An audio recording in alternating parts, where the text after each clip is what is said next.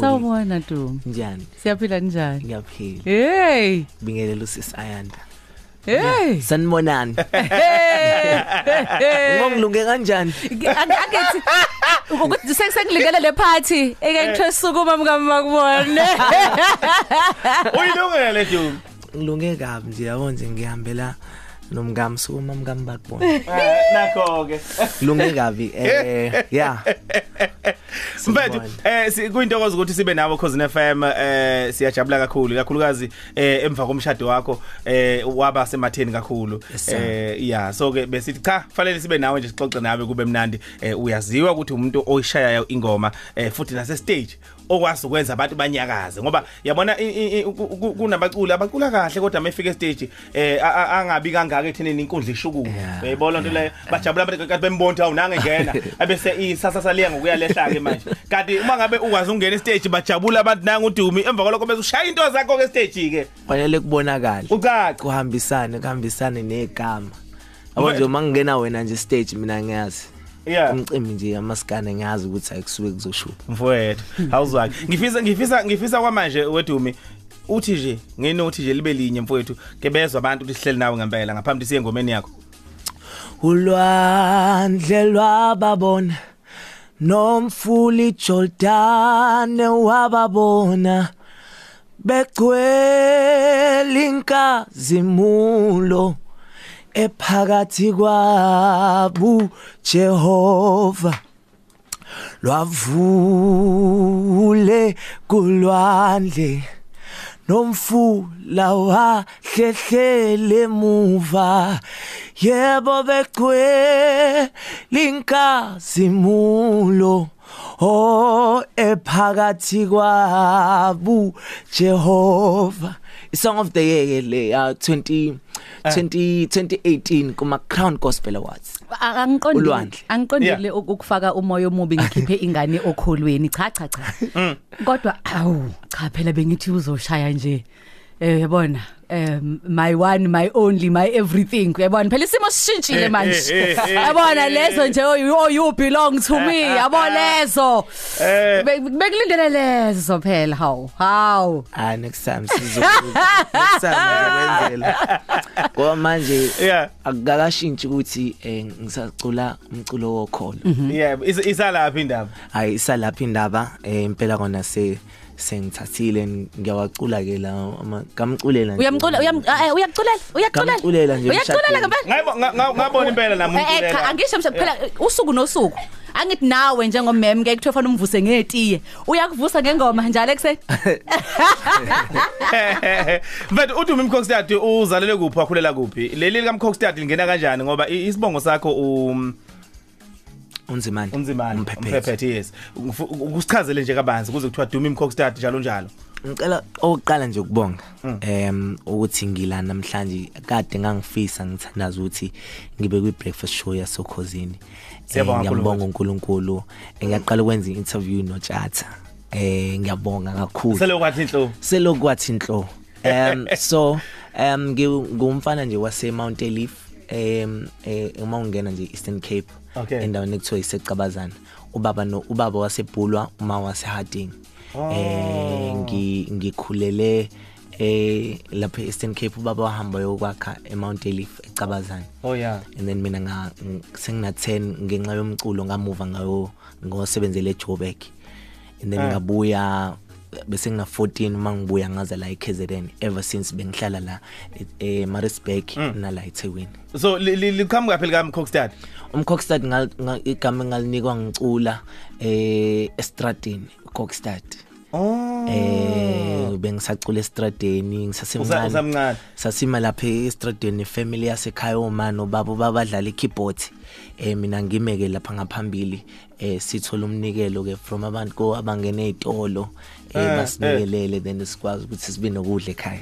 Yeah madoda. Hey mfethu uyazi umlando omuhle ngendlela emangalisayo leyo nanokubonisa ukuthi impilo kahle hle isuka iqhamukaphi. Umuntu singamboni nje esedumile saziwa kanti usuka e- e- e- esikhathini esinge singelula neze. ingakho ngijwayele ukukhuthaza abafethu ukuthi eh, bangakhathali. Umuntu oseqalile nokholelwayo into aseqalile ukuyenza angakhathali vele kunzima. So Eh, so ngamanye amazwi ab- abazali bakho ukwaze ukubondla ungakahlanganisi neminyaka u10. ngasho kanjalo but eh for 13 years ngicula bengingakaze ngi ngi- ngi- ngenze anything enkulu ekhaya like mhlawumbe ukuthenga osofa ukuthengela uma into enkulu. Eh bengingakazi for iminyaka u13 eh bengihlala eJoburg ngizama ngisebenza.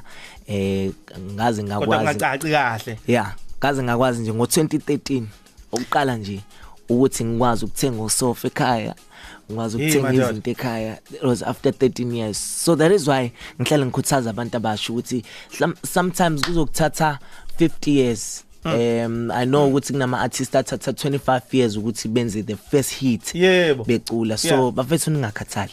Ngiyazibuza la wemkhokstad ukuthi ku ku- em- kuwona umkhakha womculo ziningi inhlobo inhlobo zomculo wawungangena kuzona? Wawungangena Yes. jazz R&B afropop eh namaskandi kwaito.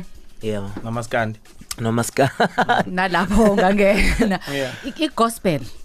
Um o o- ekhaya sinisiwe. Oh okay. Eh ubaba umfundisi uma umfundisi eh ngi ngikhonze bandleni power of god Assem- assemblies. Ngisinisiwe mina.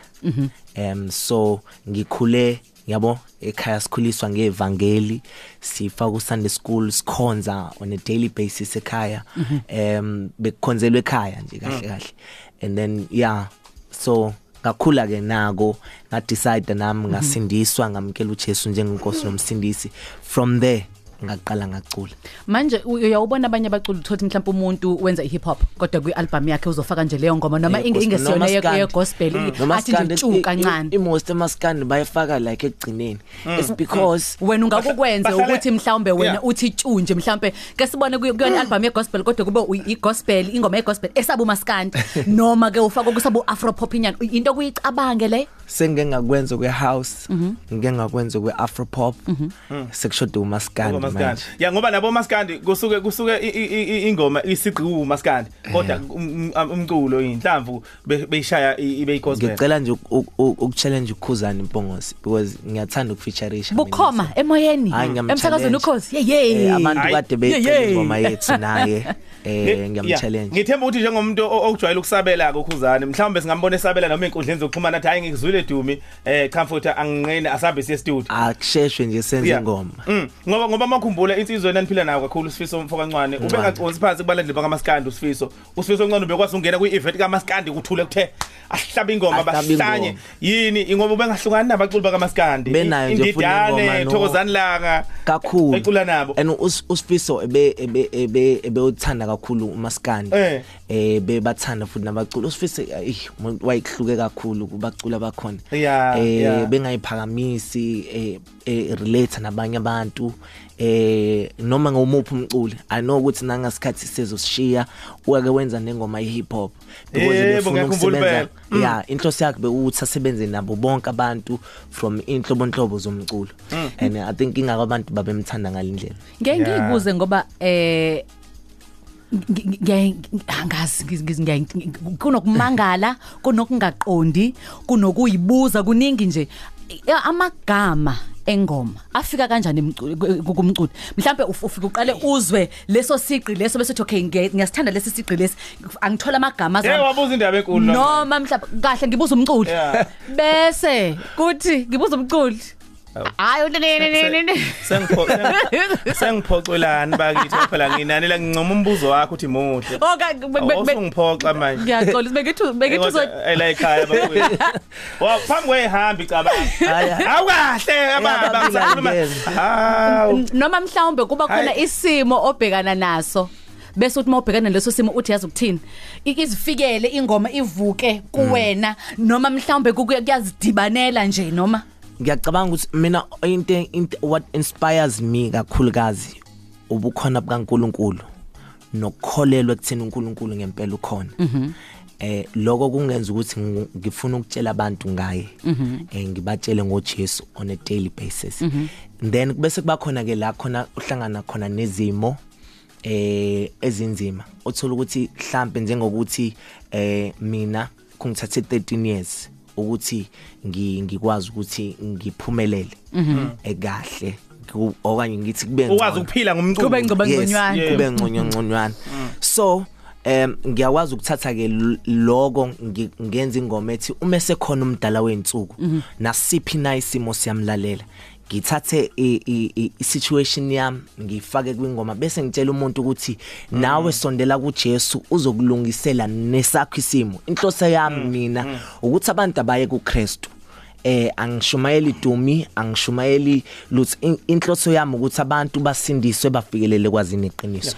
Ngiyakhumbula ukuthi i- uqala ukuzwakala emsakazweni i- ingoma zakho wawusemncane kakhulu njengoba uchazile. Kwa- ku- ku- ku- kwakunjani kuwe makukhumbula mhlawumbe ukuthi use- usemncane Yo. kangaka suqalisa umiswa abantu wa uyele udumi noma njalo njalo. yokuqala nje Ngo- owayizwa. Ngiyakhumbula ngo98 uma wayiwasha ekhaya eh, kwakudlala ingoma kaLundi eh ngasho ngathi ngiyafisa nami ngelinye ilanga. Ngeke ngizwe and ngakhumbula ukuthi umsakazi wayekhona wayekhona ngaleso sikhathi umama Dudu Khoza. Kulolo kulolo hlelo. And then kusukela ngaleso sikhathi yeah. from that time eh ngayitshela ngathi nami one day ngiyophuma eh emsakazweni. Yakhumbula ngo 2001 o 2002 mangaphazami. Yadlala okokuqala ingoma yami Wa- okhosini. wawukuphi kangisekhaya. Wawenzani? Eh ngisakhumbula ngangenzani? Kwathini? But yo yo yo ngascreama kakhulu. Ngiyakhumbula ukuthi yo yo yo Wamemeza. ekhaya nje ekhaya nje Yeah. kwaba kwaba celebration enkulu kabi ukuphuma nje okhosini eh because ngase ngike ngaba ku TV ngaphambili eh but nje ukuphuma okhosini nga celebrate kakhulu eh ngase ngicabanga ukuthi hayi no sengiyisikhokho. Okay. Manje njengoba eh, ang- angibuzi ngoba nakho ngi- ngiphikisa ubukhona bukaNkuluNkulu. Yes. Ngibuza ngokukadumi. Yes, uthe i- into edala u- u- ugxile kakhulu kulomculo wokholo umculo wegospel. Ingoba u- u- u- ufisa ukuthi abantu bazi bo- ngobungako bomdala weinsuku yebo sis. Okusho ukuthi wena uyakholelwa kuyena uyakholwa kuyena futhi. Yeah. Uma uthi uyakholwa kudumi kusho ukuthini lokho? Ukukholwa eh kumina kuchaza ukuthi ngi okokuqala hey nkosami lokho kudinga ukuthi ngichaze kahle. Em ngokwenkolo thina sifanele wamkela uJesu njengenkosi nomsindisi uvume ukuthi uyinkosi. Eh bese uyabhabhadiswa bese uyagcwalisa ngomoya ongcwele. Eh lokho kuchaza ukuthi awusayiphileli wena but sekuphila kuphila uKristu kuwena lokho kwenza ukuthi ke manje nokuhamba kwakho eh, nokwenza kwakho izinto kungafani nokwabanye abantu. Because awusayiphileli wena. Sekuphila uKristu kuwena. And wena usuyisibonele emhlabeni ingakuyizwe lithi nina nosawoti noma you are the salt of the world nokukhanya kwezwe. Lokho kuchaza ukuthi ke mina ngikukhanya ezweni. Kulaba abasesebumnyameni abangakaboni imina kumele ngibe isibonele kubona ukuthi lalelani bo na indaba ngala uJesu ungala. So lokho cha ikona okuchaza kumina ukuthi nje mina ngikukhanya kwezwe and eh fanele abantu babone uKristu kumina. Okay. Mfethu no kuyezwakala. Em siya kumsweli njengamanje uAyanda. Ngifisa ukubuza ke ohlangothini abantu abaningi abangakwazi ngalo. Thina sisondelene nawe eh nesithola ithuba lokuphila nawe. Siyakwazi une Cornelis Mangaliso ebholeni lezi le- Sir. ebholeni lenyawo. Okufika kwangimangaza ngoba ngi- ngizwa uma ngabe uxoxa njengamanje umlando wakho usukela emncaneni bakho uthi ubugxila imculweni njalo njalo ukuthi ibhola leli olidlala kangaka? Ulifunde nini? Ngisafisa ukuchaze lapha nasekuthenini awukwazi uyiphupheni uyibona umdlalo webhola ngoba akho nokuncane kwangakuvimba futhi kube wangena ku PSL njengoba ngihlale ngisho ngabe omunye wabadlali ababatshazwayo ezweni ngendlela ibhola olidlala ngayo. So ke ngi- ngifisa ngifisa ukuthi uku- uku- uku- ukuthi hala mzi lapha kodwa ngamanje ake siye ku Ayanda eh umfo kamsweli okay. He's too much.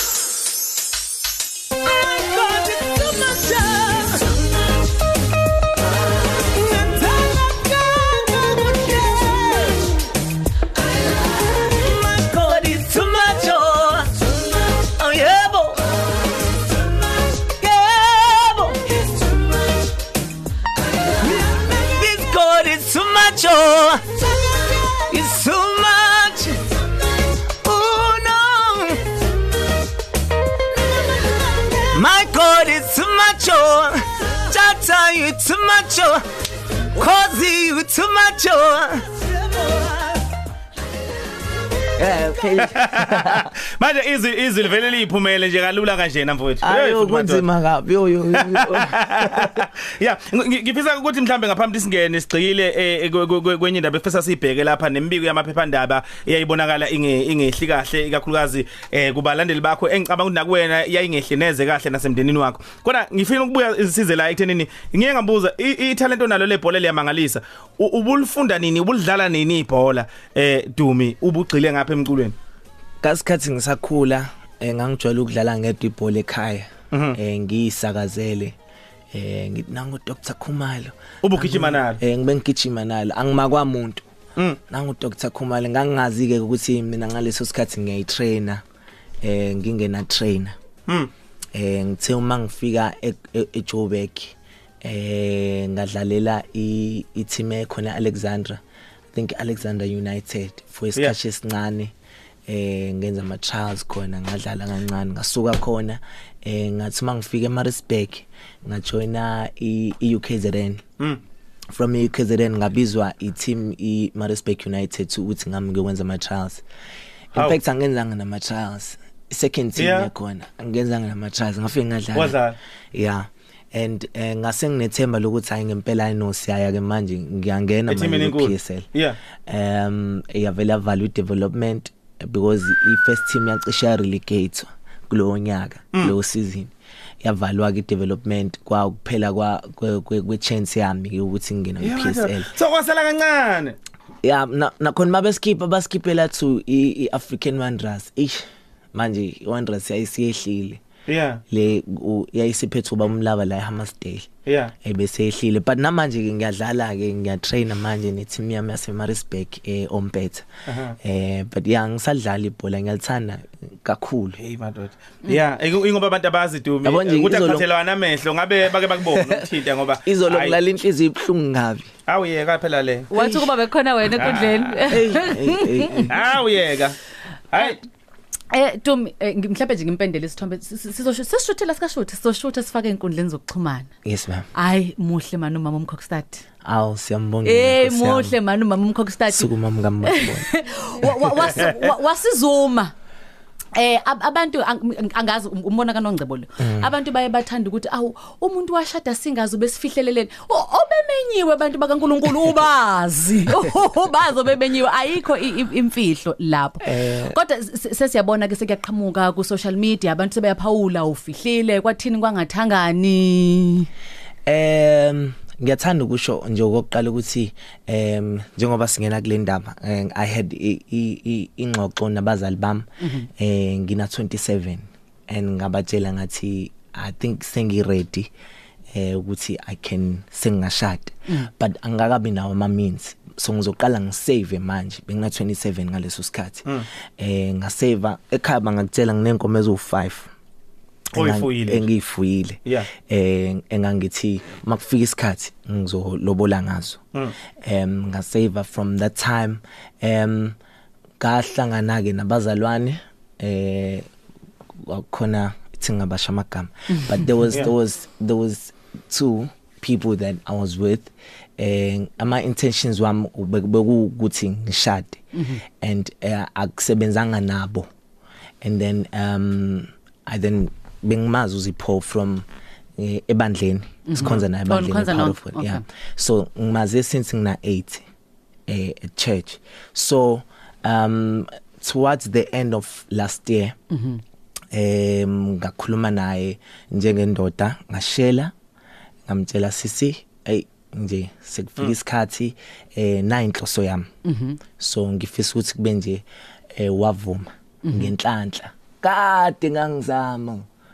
Eh kudala eh ngi- ngisase ngisakhula ngilongi ngithi ngiyachaza ukuthi sisiyazi nginesifiso Kuyena lo Zipho lo. eh nginesifiso ukuthi savele sababa abangani we became friends for a very long Kade time wahlala kwi friend zone. saba abangani so besixoxelana like eh ama i i- relationship ebengikuyona before ebazi ngayo and um So yeah. isisekelo sobudlelwane benobungani. Yeah. Ngasho ngasho ngithi ubungani. And then from there last last year towards the end of the year Mhm. ila khona enga engamtshela khona ukuthi kahle kahle nasi sifiso sami. So ibikade khona i relationship noma ubudlelwano bezothanda ubunabo phambi kokuthi a- avume nanyakenye ni- nithandana athi ithi ngithi nje upink queen and king and queen. King and Queen ngibeke kanjalo. yeah. Ngibeke kanjalo Mm. eh king and queen eh asingakufihli. Benginenhloso bengifuna ukushada Yeah. but it didn't work out kwakhona Akusebenzanga. izimo akusebenzanga eh we sahlukana ke ngaleso sikhathi sahlukana ngaso then i moved on um naye so wamuva. ku- kulaba kabasebethi u- u- udumo udlale ngengane kwasha kwacima kwasala amalahle nanka namaphephandaba eh abhala ngapha qhamuka ne- ne- ne- ne- ne- neindaba ezithize njalo njalo yena u right kabi eh ng- u right la ekhona noma wakhe because uma wakhe bengangikhuluma naye. Bazazi Ba nezimo right. zakho leli thenini And nihlukana. igama lakhe ak- akulena leli lavele ephepheni engingalazi awulazi la vele ephepheni? Leli lasephepheni namanje ngisafisa uma ningangitholela nje ukwazi. Enye into mina ngirelated nabantu bakwaBhengu. Anginawo WhatsApp bangakutshela bonke laba ngidlala nabo bo- ibhola Si- siyazi ophungula eh, siyazi anginawo WhatsApp indoda angazi. eshadile yodlala WhatsApp washo washo umuntu evidweni. Wathi indoda eshadile ihlangana kagcina ngina ngo2014 ukuba no WhatsApp into uWhatsApp ebengunawo bekuwe company Shama Records. Number 065 abantu bengingade ngiyifaka nje ku social media eh for ukuthi abantu ba- order impahla zika Dumi Mkokstad 065 8503435 iyona number ya WhatsApp ene esetshenziswa mina bisetshenziswa ubudwami angikaze ngibe no WhatsApp so nami ngiyafisa ukwazi ukuthi ubani le ncikazi yenkosi kukhulunywa ngayo? Nozipho naye yazi kade eshuse afisa so abamaphephandaba mawubatshela ukuthi awu- awu- awumazi lo muntu eh abakhuluma ngaye. Ba- batheni bona kuphenduleni Iphutha labakhona sebebhalile nje izitori zingaka? Iphuthe labakhona ukuthi mabengifonela thina eh, ezabaculi sifundisiwe ningaphendula ama newspaper em so mabengifonela angiphendulanga. Eh bangisendele SMS angiphendulanga. Ba decide ukuthi ngoba sebefikile laba ba- bathi babeka istory sabo siyasikhipha istory uduma simthole.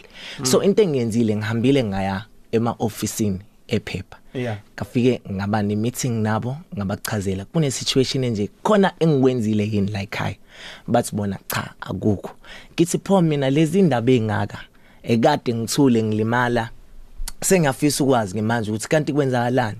Eh bangichazele bona bathi hayi no kunabantu abafikile kanje kanje kanje kanje kanje. Baze bangikhiphele futhi nama voice note yabo? Ngimangale nami uthi awu voice note umuntu nje okhuluma nje usho indaba yakhe uthi nje eh sesithandane for one month mina naye ngathi mina ngizoyomcela kune voice note. Ngathi ke mina ephepheni ngiyacela ke khona nizobona ukuthi lokhu kuamanga ngicela sihlangane nabo la ephepheni. nami ngize sizohlangana nabo la bakhulume ke. Bese niyabhala ke story kuloko i'm putting my career on the line. Uma kuukuthi bayafika then nibhale. Bangifonela oh bangangifoneli ngabafonela mina ngaloko ngibafonela. Finally eh ba- bagcina bephendulile bathi bayanqaba osisukuza. Awu. So ke eh empeleni ke kulindele ke iarticle iarticle bekumele iphume eh on Sunday elungisayo. Lichaza iphepha ukuthi cha kube nephutha eh labantu abafonile nabo babhala so bathi bazokhipha iarticle sebelungisa ngamanye amazwi bazokhipha is- i- udaba manje oluxolisayo yes sir Um Tumi ngeke ngi- ngeke Yeah, madam. ngibuze ngoba Yeah. eh a- abantu abak- abakubona e stage Yeah. eh ababone izithombe zakho nozipho nishada aba- Yeah. abazi abazali bakho bebazela kude yeah bayakhohle ukuthi ingane yomuntu lo eh indodana yomuntu umuntu okhonzayo umuntu u- umuntu Yes, A- a- a- a- akuphelele kuthini ube udumi mkokstad Yeah. udumi nzuma nzimande onemizwa onemqondo o- o- onomqondo ocabangayo ophefumulayo. Yeah. ukubona izinto ezibhalwayo nabanye bebebhala angisho ukuthi ukhona okhuluma iqiniso khona ongakhuluma iqiniso u- u- wena owa- owazi udaba lempilo yakho. Yebo, sis. kodwa ukuyifunda lezo zinto sekuthiwa "Hey, ukuba nasi sithule nje siyabuka. Ku- ku- kukwenzani lokho wena emphefumulweni? Ngadecide ngo2015 mina okokuqala nje ukuthi angeke ngiphinde ngifunde iphepha. Eh be angilifundi nje i-newspaper and ma, ma magazines ang- bengingawafundi em ngoba kubhlungu kakhulu ukufunda into ubone ukuthi yazi kuze kwabhala kwathiwa eh umthombo wethu othembekile. Okusho ukuthi khona umuntu obuzwayo ukuthi eh usibanibani o- okanye kube khona usibani manje ozotshela intatheli ukuthi cha na indaba na indaba uthola ukuthi it's amanga. Amanga and manje thina njengoba ngisho ukuthi thina abaculi safundiswa nje ningaphenduli. Because lokho kwenza ukuthi kube khona esinye story nobe ngazi ke manje usezokwazi. Ukuthi beke kwabhala ukuthi. So abantu iyas affecta thina especially uma ucula igospel. Abalandeli bethu ba sensitive kakhulu abanqe nje ukuthi hayi ngeke ngisawuthenga umculo wakho angeke ngisakusaba Kanti yabona? nje- ngenxa nje yephepha. Mina ngithukiwe ke mina kakhulu. And and nga understanda ngize ngacabanga ngathi yazi nga understand ezinye izinto abacula bangaphambili kwami abakade abebedlule kuzona ezibhlungu kubhlungu sisi kakhulu. Eh mina uma wami ke ngamtshela ngathi angangeni. Ku social media. Why decide ukuthi uzongena ku Facebook uno Facebook nje uma wayithola wayifaka lapha la kuleyandlu le ehouse le yethu hayi wayithola khona. Mayithuka wafika besho besho zonke inhlobo ze- zenhlamba em walimala kakhulu. Ngezwe mina bengifunela sisibami bethi ebekhala. So ngiyathanda ukusho ukuthi kubhlungu kakhulu. Ngiyacela futhi ukuthi eh abantu ba- babe bacabangela abanye abantu. More than anything ngiyafisa futhi ukwazi ukuthi uma kwenzeka izinto ezinje uba onake ubani onakekela amadoda? Yeah. M- mhlambe ke dumu usesiphetha nje umuntu akababa iziphuma indaba emaphepheni zithi chithisa ka? Yes sir. Bese kuzwakala manje njengoba usuyibeka indaba nalabo bantu ababekade bekubheca ngo- ngobende lapha yana bengasafuni ukuvela ke manje phela ukuthi wozani phela nanga udumeti ake hlangano Yeah. abasezi la u- ungathini kulabo ka- abebekade umuntu abafunde ephepheni nalo udaba luthi eh ngodume emkhokstad bese begibela ngeinhlamba njalo njalo. Emva kuba ke manje sekucacile phela ukuthi kahle hle eh kusengwe imithiyo la eh kungcoliswa igama lakho ngoba ay, into yokufanele bayiqonda abantu njengoba ningi abaculi eh ni ninanezitha nani ningazazi ezinye. Yeah. ongenze ukuthi ziyaphekwa nje ezinye izinto ukuze eh mhlambe kubonakala ukuthi hayi igama lomuntu liyadla ndlobala And singamshaya ngayo. bengisanda release album ngibhizi no Yeah. operation 100000 copies. Obuhamba kahle kakhulu. Ngifisa umlayezo akubhekise kubantu ekuthenini u- u- u- uthini ukuphawula kwakho ekusabeleni kwabe ezintweni abasoke beyibona ibhalwa ngomuntu emaphepheni? Ngiyacela mina ukuthi umuntu mayifunda noma yini ayifundayo eh a- azame ukuthi athole ukuthi kuyiqiniso kangakanani before baye kwi social media. Yabo lento ye depression eh, ama artists afayo manje nabantu abafayo. I think izinto eziqhamuka from lezi zinto. Ngike ngalimala kakhulu eh kakhulu. Eh kwababhlungu because manje ngi ngi ngiplan umshado eh kunezinto eziphumayo ziyangiphazamisa sengi worried ukuthi nozipho mhlawumbe uzocabanga ukuthi zikhona lezi zinto. Mm, unkosikazi, ya. yeah ngenhlanhla ngenhlanhla umuntu obengazi nomuntu ebesiplana naye umshado. Okay. So ngiyacela abantu ukuthi ba- babe careful kakhulu izinto abayishoyo. Mina ngiyabaxolela. Mm. eh labo bebe bebebhala izinto bebezisho eh ngine peace eh ngiyabaxolela eh impilo ayiqhubeke. Mfowethu kezokala sesiphetha ke nansi indaba engifisa siphethe ngayo la eh ubukade uphose inselelo uyiphosela umculo kaMaskandi ukhuzana ukuthi ufisa ukusebenza naye. Eh isabelile ke imabizo asabelile mfowethu. eh mfokampoza Eh eh kudla umkhukhu u- uyaphila mfowethu?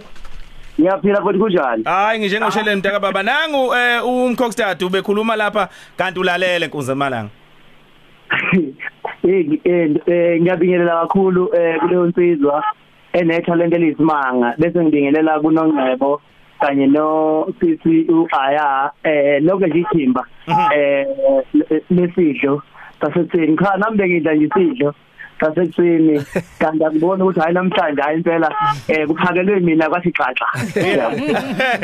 Nangu dumi mfethu khuluma naye. Eh bokamkhophtadi futhi Eh futhi ngiqala nje ngibonge kakhulu eh ukuthi uyinsizwa eh, edlondlobala kanje.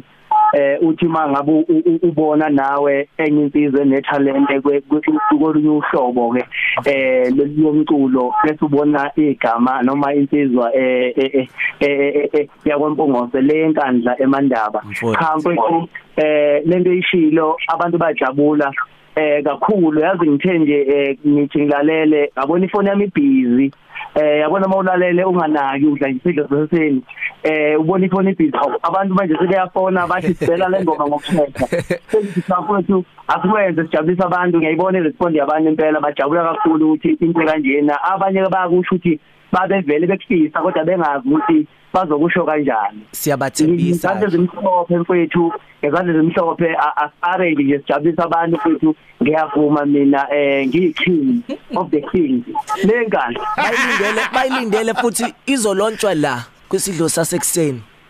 Kufuneka impela kwaphela i- i- i- i- i- i- izalelwe la Nazo- uyabona nazo bafo siyasebenza Shap Khuzani siyabonga ke baba nanokuthi inselelo yemukele sesilinde ukuzwa ingoma ukuthi iyogijima kanjani danki mfowethu eh emva ngoba sengiphetha nje eh ngigcile wena ongceba umlayezo wakho ukuthi umaskandi mawuqala uthi ti ti ti ti ti ti. Kodwa mina ngiyabona ukuthi wangisaba ngoba ngakufakela ku Instagram ngiyihlaba ingoma la ngathi ngizoyigcwalisa ngingedwa mina eh imabhida. Ekadumi challenge yayivume yami wabona hayi kungcono uhoxe. Hayi ngiyadinga ngomhla ka20 Ntombi ukuthi umkhomba kubuka nawe. All right mfowethu siyabonga Ngiyabonga kakhulu. All right ah uTume mfowethu siyabonga ngesikhathi sakho sinifisela okuhle kodwa eh ni- niqhubeke ni nonkosikazi. eh niqhubekele phambili nibambe nje. Siyabonga kakhulu. inselele eziningi ke usathane eh, umshado yenye into angayifuni kakhulu. Yes, awuhlasela ngazo zonke indlela so ke man kade yena nje eh niyobe niqedile ziningi into ayisebenzisayo usathane nabantu abasebenzisayo Yes, kuhlasela sir. nomshado niqhubekele phambili. Abantu bangayeke ukuthandaza ngiyathanda ukusho Yeah. lokho eh ingoma yami yaphuma next week friday isimemezelo bengisisho kade beyifuna. Okay. eh next week friday bazoyithola. Ngiyabonga kakhulu ngiyabonga kakhulu kakhulu cause FM eh nginje nginje kungenxa yenu. Ngiyabonga kakhulu. Bonga thina mfowethu.